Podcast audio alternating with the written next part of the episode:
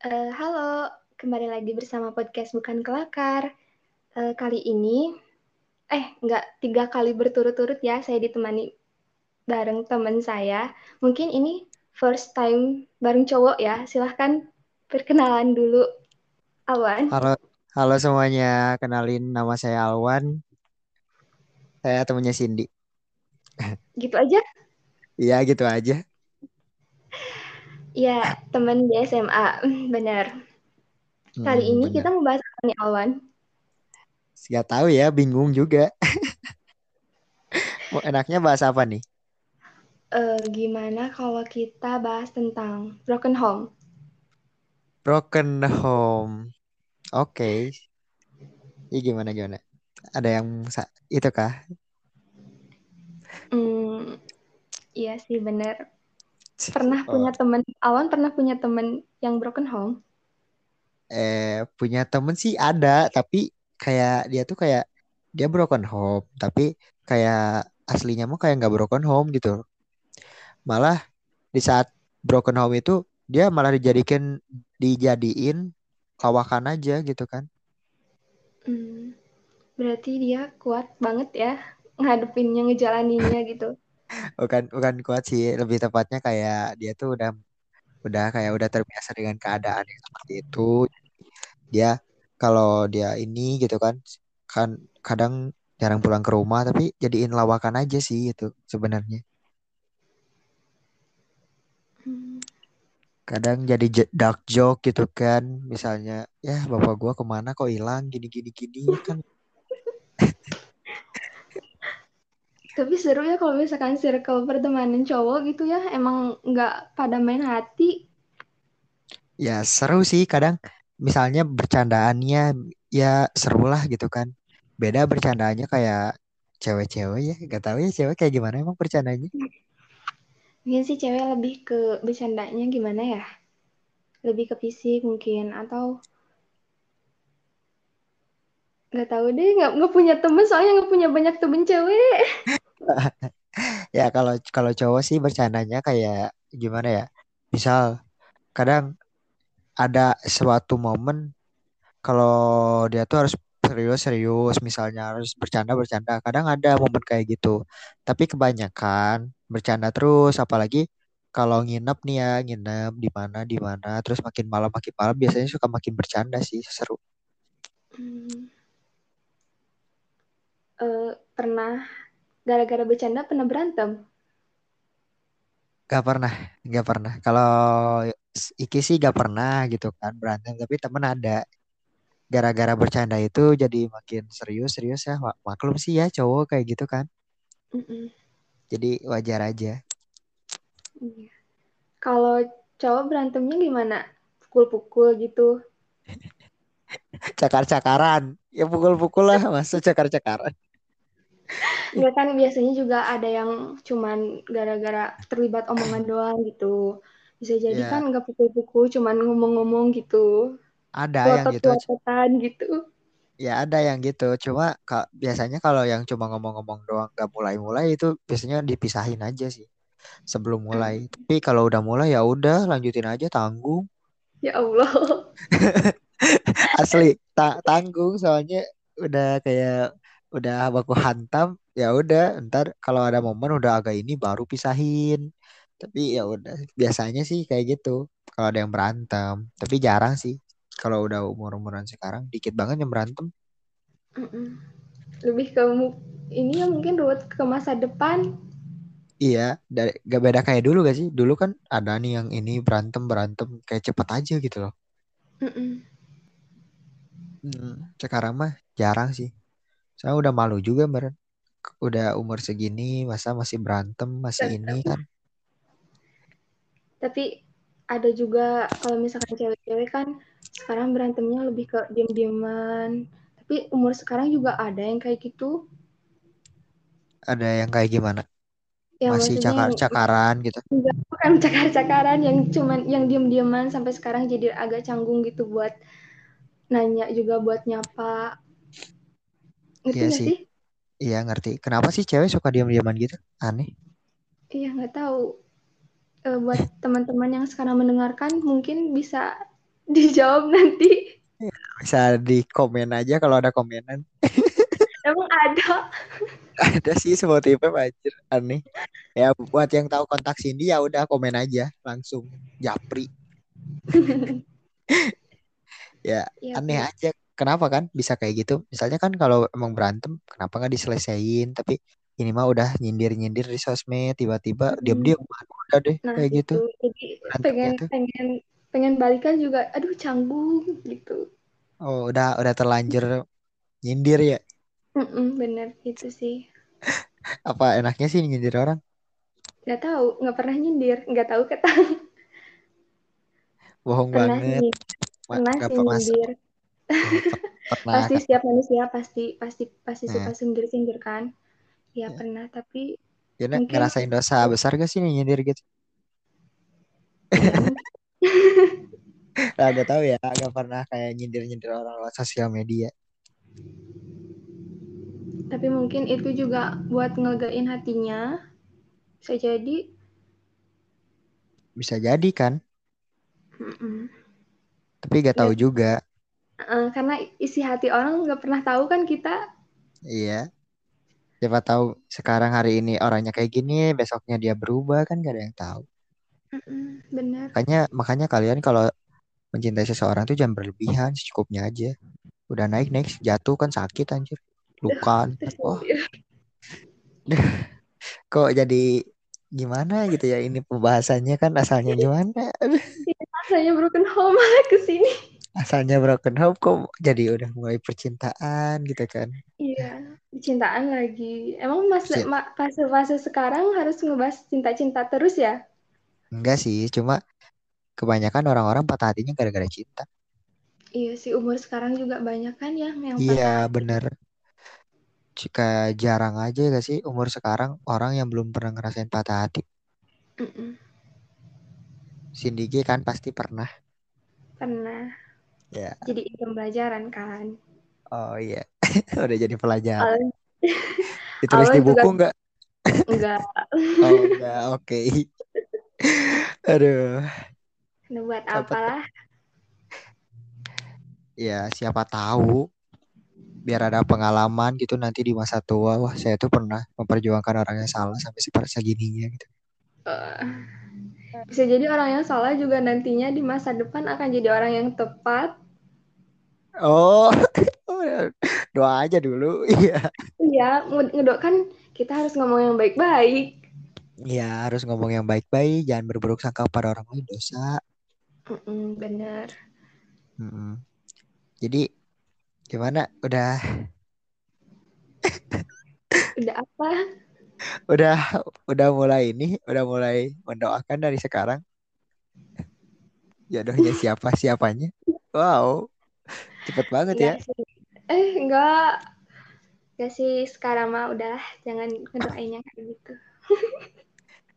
Terus yang ngedoainnya sekarang mah gimana caranya bisa sukses gini-gini kan. Mm -hmm ya mau ngapain sih tapi, ngedoain cinta cinta tapi nanti lo bakal ada di satu di satu momen kayak kita tuh butuh someone untuk menyemangati diri sendiri biasanya. Iya bener. Bener itu bener banget. Di saat kita down atau gimana di saat down kan biasanya wah. Kita nggak punya siapa-siapa. Iya apalagi lari ke siapa gitu. Udah malah lagi down terus tiba-tiba kayak gimana ya pengen curhat bingung masa ke sahabat terus bosen gitu kan. Pengennya kan ke pacar atau ke pasangan. Nggak punya ya mau gimana lagi? Ya udah itu udah takdir. Iya bener. Udah menjomblo. Men menjomblo itu enak guys. Emang enak banget. Wah. Gak enaknya cuma kalau lihat orang UU doang. Mm-mm. Terus pas lagi kesepiannya. Eh, kayak mikir, wah aku tuh pengen kayak gini, pengen kayak gini, kok orang bisa kayak gini, aku sih enggak gitu kan. Wah ini. Yeah. Ah, bingung sih emang kadang. Kenapa ya? Kayak gitu sih. Hmm. ya mungkin nggak tahu Ya kenapa kayak gimana ya? Kadang ikigai ke diri sendiri kadang suka kenapa sih gitu kan? Suka iri sama orang yang uu gitu kan, yang pacaran yang ini gitu kan. Kenapa bisa iri kayak gitu? Padahal pernah gitu, pernah di posisi kayak gitu soalnya. Tapi kenapa bisa iri gitu kan? Di saat kita menjomblo ngelihat orang, ih anjir kapan kayak gitu, kapan anjir, udahlah mengset Mm-mm. eh. mungkin sih karena hawa nafsu ya mungkin Nafsu ingin punya someone atau gimana? Mm-mm. Uh-uh. terus emang pada pada fase umur kita lagi apa sih namanya Apa yo? lagi Apa yo? Lagi emang lagi tahap-tahapnya kayak gitu mungkin tapi eh, karena kita nggak punya ya udah iri aja mungkin kayak gitu Tapi kan kebanyakan ya orang yang kalau apa sih namanya tuh orang yang kadang dia tuh sebenarnya kesepian terus pengen seseorang tapi dia tuh nggak pengen pacaran. Kadang suka heran sama orang kayak gitu. Katanya kan pengen punya someone, pengen ini tapi dia tuh nggak mau nggak mau pacaran. Aneh gitu kan. Hmm, bisa jadi belum selesai sama masa lalunya atau lagi nggak mikirin hal itu mungkin atau lagi milih-milih dulu Eh tapi tapi kayaknya logik logikanya gini ya. Orang move on paling lama berapa tahun sih? Paling lima lima enam enam sih biasanya. Enam juga udah lama. Enam tahun. oh kirain enam bulan Ada loh orang yang enam tahun belum move on. Contohnya ada tuh. Ya ada. awan sendiri Enggak, bukan temen tuh yang yang udah berewokan. oh Eh, empat sih itu empat. Ah, terlalu ya. dalam mungkin mencintainya Iya, terlalu dalam. Sampai disuruh hafal jut-jut. Oh Eh, ceweknya kayak gitu.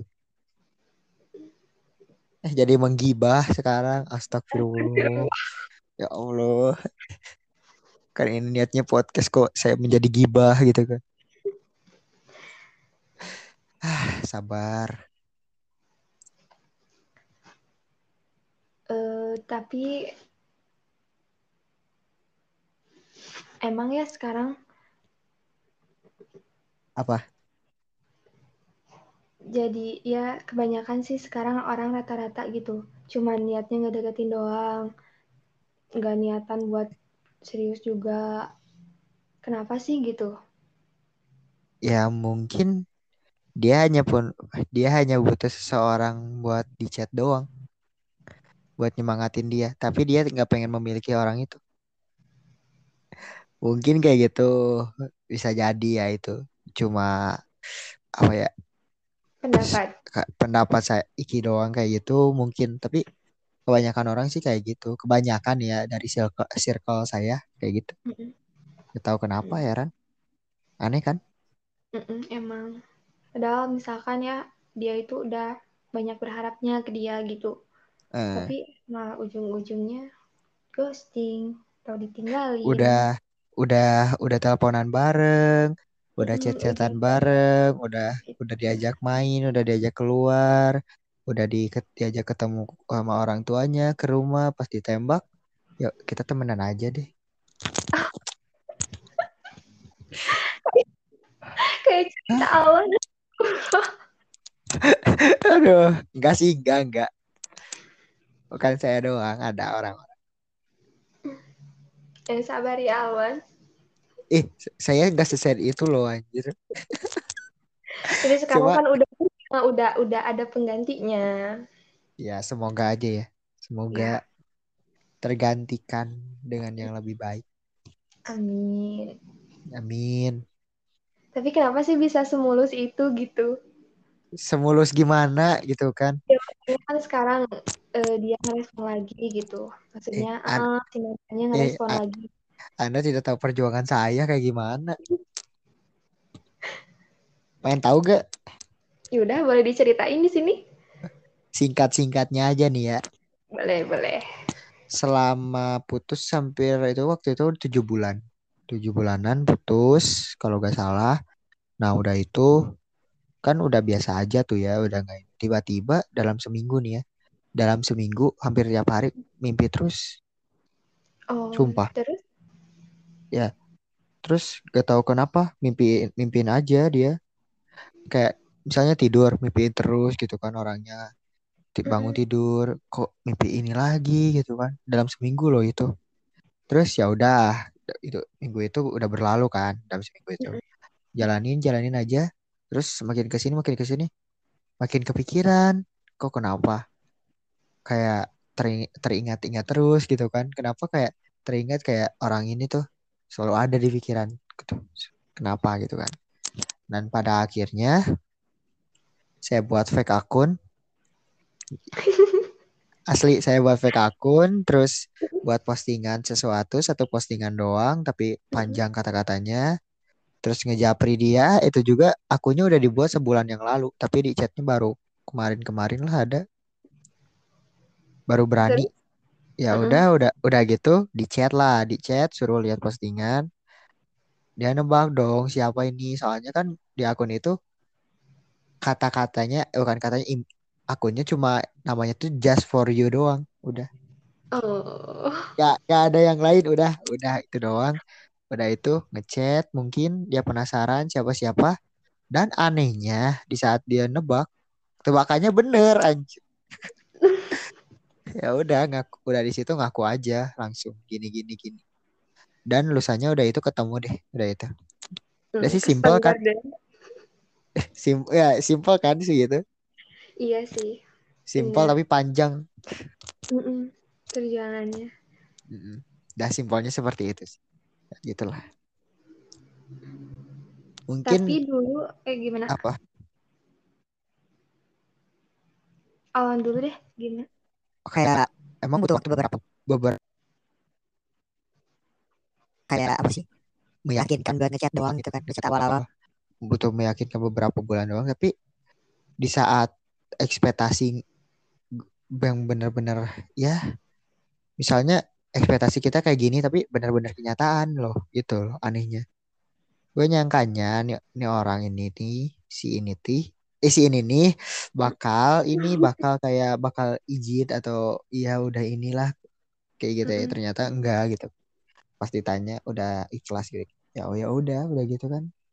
Ya udah wes sampai sekarang ya gitulah. Tapi gak tahu. Emang bad mood gara-gara pemerintah apaan tuh? Biasa cewek-cewek kan, ya kita harus ngerti. mengertinya harus sampai berbulan-bulan eh enggak ber berminggu-minggu Tapi eh, yang dulu ninggalin Alwan apa dia? ya saya Oh. Iya sih udah tahu. ya udah tahu kenapa harus ditanya sih Kan teman-teman belum tahu. Ya, siapa Misalkan ini, takut ada yang kena ngedenger ini deh aduh bahaya aibku tersebar ya guys ya. Aduh enggak sih bukan aib. Orang saya juga pengalaman kan? pengalaman. Pe- pengalaman gak sih yang gitu? Iya, benar. Pembelajaran Iya. bukan pengalaman. Iya pembelajaran. Jadi maklumin aja. Mm-mm. pasti ah gak, apa, atau gimana ah gak tahu ya bingung sih ngejelasinnya. Bahas yang lain kenapa sih? Kenapa harus bahas mantan? Ya udah, mau bahas apa lagi? ya apa aja bebas jangan mantan mantan emang mau dibahas mantan balik Ya udah boleh. oh ya udah emang udah move on dari si A Kenapa harus pakai inisial sih? oh kan inisial doang Kalau move on, emang bedanya move on sama ngeikhlasin gimana? Bisa dijelaskan? Takutnya salah pemahaman gitu. Kalau move on tuh eh, udah bener-bener bener-bener lupa tapi kalau ikhlas tuh cuma udah cuma lupanya cuma ya lupa udah dilupain aja tapi udah hatinya udah ikhlas gitu. Oh, berarti cuman bisa mengikhlaskan, belum Hmm. bisa move on. Mm-mm. Terus Udah gimana? gitu. Oh, berarti move on belum bisa nih. Belum. Ya guys, saya yang interview ya sekarang. Terus melihat anak UU gimana perasaan Anda? nggak apa-apa ya udahlah Oh, emang dia kebahagiaannya itu mungkin gimana mau gimana lagi gitu masa kita harus musik lagi sih gitu masa kita harus masa kita harus uh, kembali lagi ke sana gitu harus ngehancurin di mereka gitu nggak boleh. Iya jangan. jangan. Ah, udah pilihan masing-masing sih itu kan. Iya Iya, terus sekarang hati aman. untuk sekarang aman sih Aman. Aduh, seru nih pertanyaannya seperti ini. Saya suka. Aduh. Terus gimana pendapat orang tua setelah putus? Uh, paling berat sih itu Gimana ditanya? Ditanyanya kayak gimana? emang ya, kenapa kenapa dia nggak pernah nggak pernah ke rumah lagi gitu Aduh. Udah putus. Aduh, sakit. Langsung langsung langsung, langsung ditanya, "Kok bisa? Kenapa? Gini gini gini." Iya. Uh, seru. Kayak gimana ya? Kayak yang kayak udah apa sih? Kayak gimana ya? Bingung sih ngejawab kayak gitu. Kok gak, gak pernah ke rumah lagi? Ke mana orangnya kok ngilang? Gini gini gini. Gak pernah main lagi. Pasti putus. Iya benar Ditanya gak? Kenapa bisa Iya, putus ditanya. gini gini? ditanya Jawab jawabannya apa? ya gitu Ditanya kenapa bisa putus? Ya gitu. Anjir gak sopan. Awan juga tahu kan masalahnya kenapa bisa putus ya mungkin dijawabnya gue juga gitu ke orang tua Ya, hah? To the point langsung semuanya kayak gitu. Tapi masalah ininya ya, masalah kayak ya benar masalahnya sih gak tahu sebenarnya. Cuma singkatnya doang dikasih tahu, tapi masalah ininya gak tahu sih. Gak tahu kenapa, bingung. Saya tidak tahu masalahnya.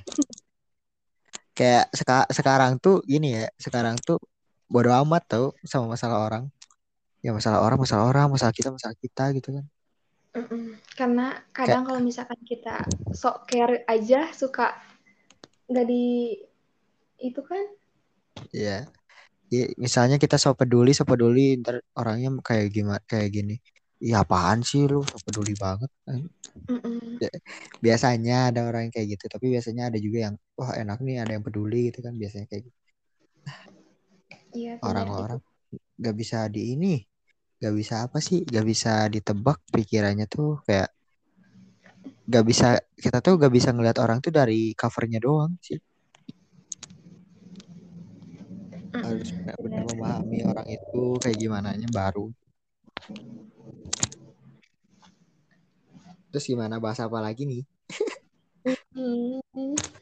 Masalah permantanan kan sudah. Eh, saya terbongkar di sini teman-teman Ya, mau dibongkar lebih jelas kan, teman-teman? nggak udah cukup Oh, oh, ya udah. Siapa tahu mau dibongkar lebih jelas saya bisa gitu kan. Ini ada Oke. kuncinya nih. Ini ada kuncinya di sini nih dipegang gitu kan. eh nggak boleh gitu nggak boleh gitu nggak baik Oh, jelas langsung. apa ya nanti Nanti yang ini pada tahu semua dong Heeh, pasti eh, bukan udah udah tahu udah pada tahu ya ya kan? nggak tahu deh iya sih Eh, kan di podcast sebelumnya kan membahas seperti itu kan? Belum move on, Mm-mm, belum tapi move on nggak kan? sedetail ini Oh, ini lebih detail gitu. Aduh. Oh, maafkan saya guys. Ini terlalu detail katanya. Ya udah nanti kita lebih jelas lagi ya. Kapan-kapan kalau ada Eh, podcast gitu. lagi. Soalnya kalau sekarang-sekarang tuh pembicaranya ya gini-gini aja gitu kan. Pembahasannya kayak gini-gini aja, belum kayak yang misalnya yang kayak bagus apa sih ada cerita baru ada ini. Soalnya kan eh, udah MM ya kan sekarang. iya Ya ketemu aja nggak kayak dulu kan. Dulu mah kan sering gitu sama si eh, kan. sekarang nggak bisa. Ngapain Kamu gitu kan. iya Ketemu juga Apa? cuma Iya, ketemu juga cuman sapa, udah pulang lagi tapi- dia. Oh, tapi pernah kan ketemu di jalan? Pernah. Gimana? Dak dikduk ser gak? Enggak, biasa aja. Oh, biasa aja ke rumah. Kok bisa anjir ketemu? Karena kan mau pinjam, ada pinjam sesuatu gitu. Pinjamnya ke mantan dong. Iya. Karena mau ke mana lagi, nggak tahu tempatnya. Oh. Kenapa gak ke orang gitu kan? Ini mah masih ke mantan. Emang Apakah boleh? bukan gak boleh? Apakah itu ada modus-modus belaka? Enggak. Sumpah, enggak. enggak, enggak ada. Gimana ngechat mantan minjem sesuatu? Biasa aja. Mau pinjam ini, udah gitu aja. Oh. Gak canggung kah ngechat mantan kayak gitu? Canggung sih canggung. Ber- berapa Tapi kan- berapa lama kumpulin niatnya gitu? Ngumpulin mentalnya buat ngechat? Seminggu ada mungkin. Anjir. oh, seminggu dong. Parah. Mantap sih. Mantap sih. Terbongkar ya semua di sini. Lebih jelas. Wow. Tapi enggak sekarang sih udah ah, dia juga udah bahagia kan Mantan, sama mantan, mantan. gitu. Ya mungkin. Gak tahu juga sih. Jarang cerita. oh Kep- kepo gak? Oh enggak. Hmm. Gak usah lah ya.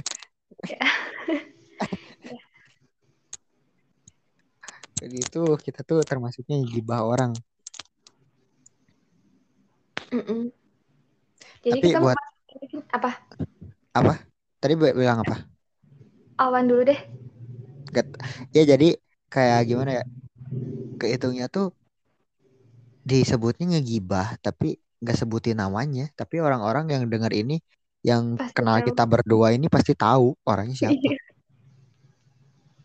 Pasti ngerti lah gitu kan. Jadi maklumin aja. Terus gimana tadi? Enggak tadi sih mau nanya kita mau bahas apa lagi gitu. Apalagi ayo. Coba mau bahas apa sok tentang apa? Hmm, coba jelasin gimana sakitnya berada di fase friend zone gitu. Nggak apa-apa kan nanya? Anjir, kenapa nanyanya Prejon? Nggak apa-apa kan itu pelajaran buat teman-teman yang Oh ya udah. Nih buat teman-teman jangan mau jadi Prejon. Buat kalian yang sekarang masih di Prejonin sama orang, jangan jangan mau deh. Mending udah kayak jauhin aja orang itu, jangan kayak sampai bertahun-tahun lah, jangan kayak gua gitu kan. Jangan sampai di Prejonin bertahun-tahun. Misalnya kalian nembak cewek nih buat cowok-cowok nembak cewek, terus kalian tuh nembak ceweknya tuh misal udah deket udah ini, terus kalian tuh nembak tiba-tiba ceweknya nolak ini ya udah gitu kan. Berarti emang dia tuh emang gak suka gitu kan sama lu tuh udah sadar diri aja udah di situ. Tidak tinggal mundur gitu kan. Apa susahnya gitu. Jangan terus berjuang. Dia tuh inget udah ada yang lain gitu kan. Dia sukanya sama yang lain bukan sama lu. Inget ngaca bro anjir. udah. emang Alun sukanya bertahun-tahun sampai bertahun-tahun. Iya pernah sampai dua tahunan Oh. Tapi berani banget, pengalaman. Berani Enggak. apa? iya berani banget ngungkapin perasaannya itu selama Nih. dua tahun itu gimana? Gini loh kesempatan tuh cuma sekali. Jadi jangan sampai sia-siain sebuah kesempatan itu. Mm. ya misalnya misalnya cowok nembak nih ya udah kalau diterima ya udah gitu kan kalau ditolak ya udah gitu kan jangan sampai kayak ya seperti itu sih kayak berjuang lagi sih jangan sampai aja deh soalnya kalau berarti kalau emang cewek udah nolak lu berarti dia emang udah gak suka sama lu ya udah jangan sampai diperjuangin lagi emang dia mungkin gak pengen diperjuangin sama lu pengennya sama orang lain ya kan Mm-mm, bener. Iya. Iya. Sakit sih Prenjon makanya udah jauh-jauh sebelum Eh, tapi ada perasaan ragu gitu. ragu Takut gitu, gimana? Iya takut. Jadi takutnya nggak kita nggak bakalan diterima terus pertemanan kita bakalan hancur gitu pernah ngerasa gitu Ya resiko sih sebenarnya.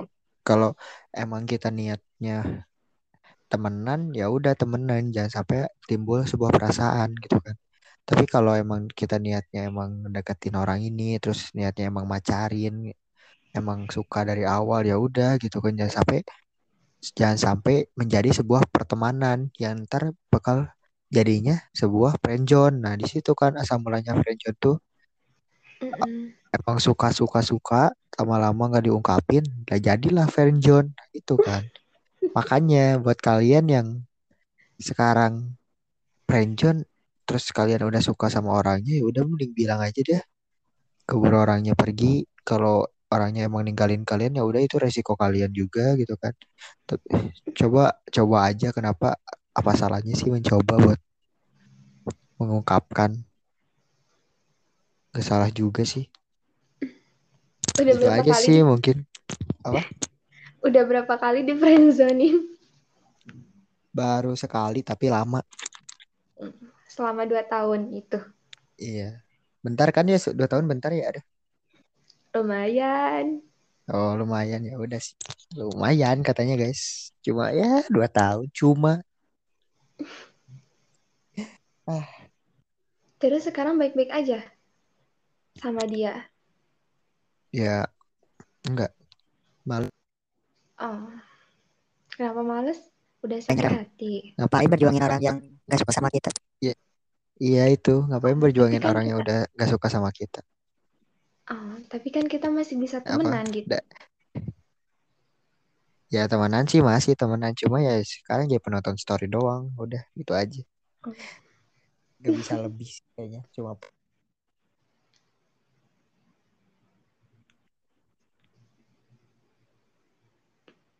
Hmm, yang dulunya chatnya paling awal ya.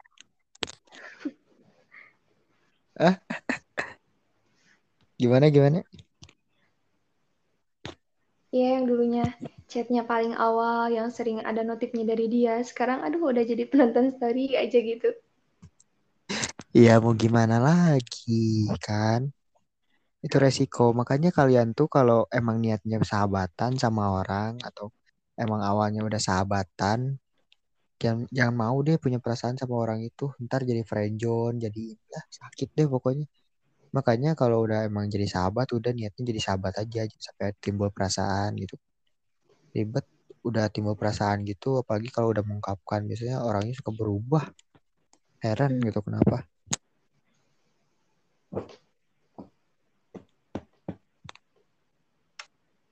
Oh, gitu. Mm-mm. bahas apa lagi nih sekarang Hmm,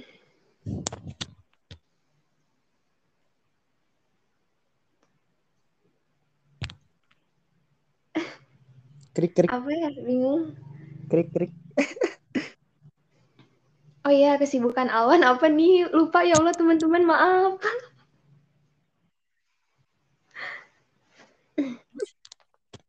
Ya, sekarang sibuk sibuknya udah sekarang mulai di rumah gitu kan nolep saya nolep main juga enggak jarang sekarang buat podcast. Terus terus? Ya udah sih gitu aja. udah. Jarang kayak main-main lagi sekarang paling Sambil nyari nyari kerja buat sampingan nanti sebelum kuliah paling gitu doang sih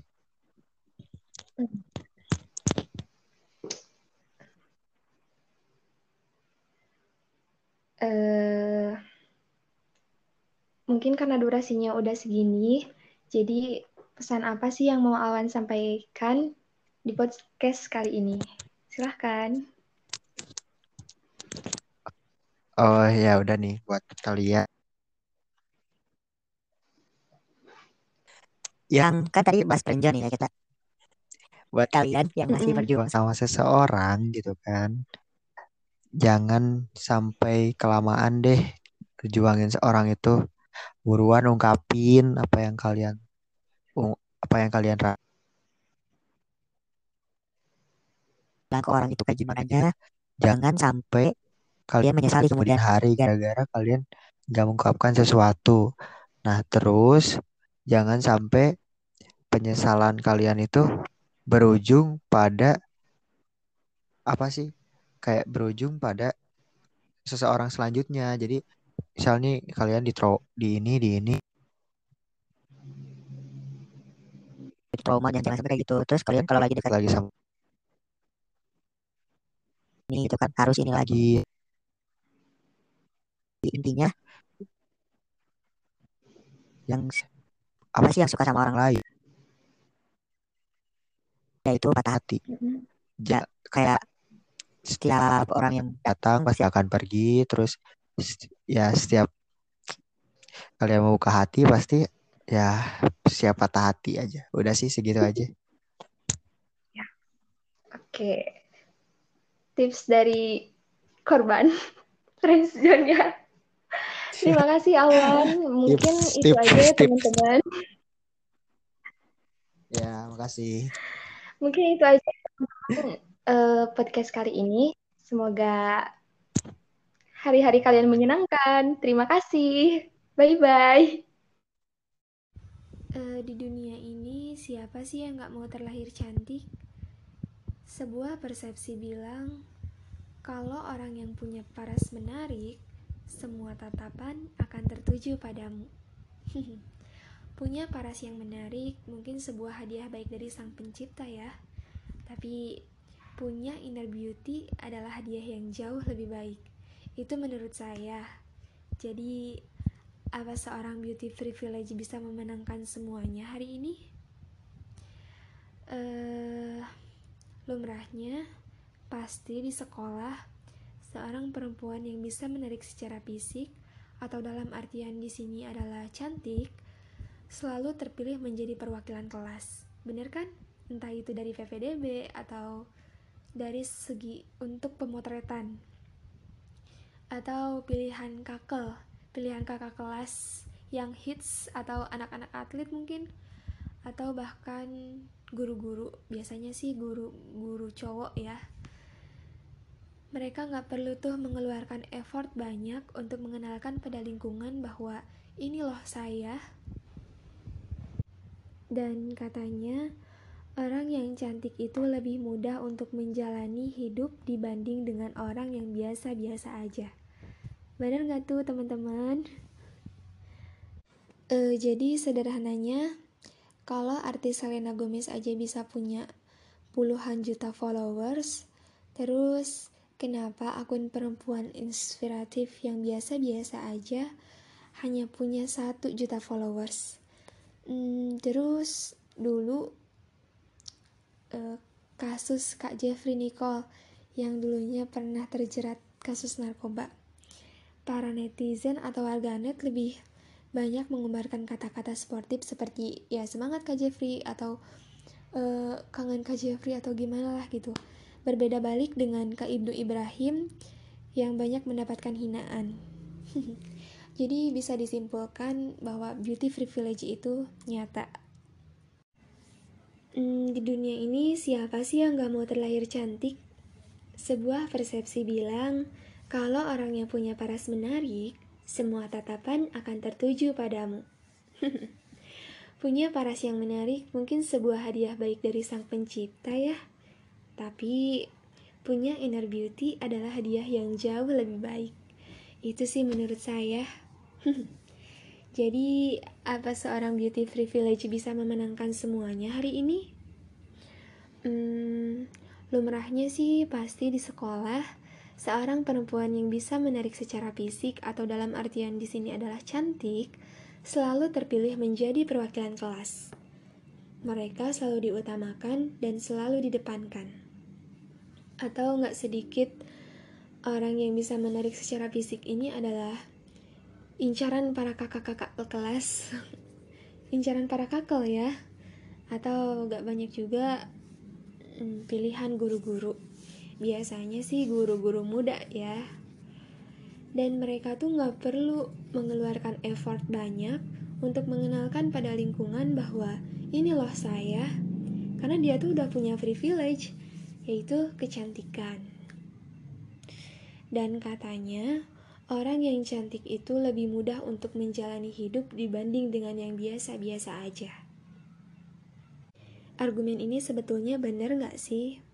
Atau contoh lain, kalau artis Selena Gomez aja bisa punya puluhan juta followers, terus kenapa akun perempuan inspiratif yang biasa-biasa aja hanya punya satu juta followers? Terus, kasus yang dulu menimpa Kak Jeffrey Nicole ya, yang dulunya pernah terjerat, maaf, kasus narkoba, para netizen lebih banyak mengumbarkan kata-kata suportif atau semangat Kak Jeffrey atau gimana lah gitu.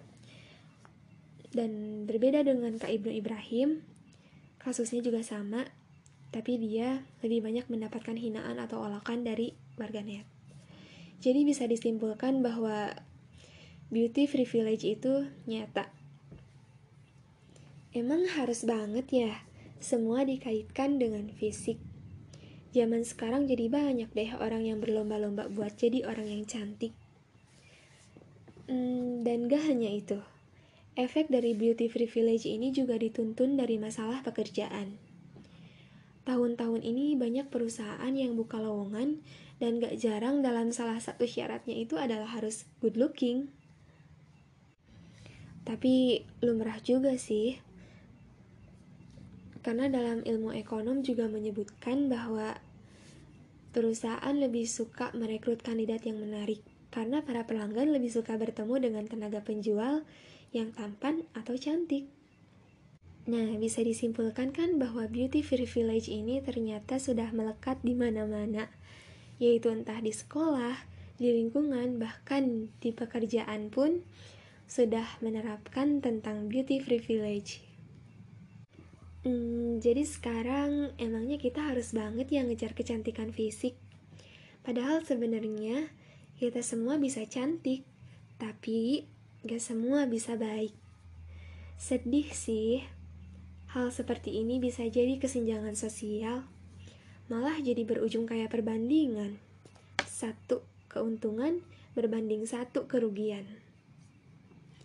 Di era ini juga gak sedikit kalau masyarakat lebih mengedepankan insecure daripada bersyukur. Hmm, jadi untuk perempuan yang sekarang sedang insecure karena ngelihat orang-orang yang jauh lebih menarik dari kamu, ingat, banyak manusia cantik yang kadang gak seberuntung kita. Kadang mereka malah diguna-gunain, atau bahkan jadi bahan pelecehan. Mungkin emang lumrahnya perempuan itu adalah makhluk yang perasa, jadi para perempuan kalau udah lihat seseorang yang jauh lebih menarik dari dirinya sendiri, intensitasnya malah down gitu. Termasuk saya juga. Dan dari sana saya bisa belajar. Ternyata semuanya bakalan hilang. Badan yang dulunya ideal, nantinya juga bakalan keriputan. Rambut hmm, yang dulunya cantik, lambat laun nantinya malah jadi uban. Paras bisa hilang kan, tapi attitude baik gak mungkin bisa hilang.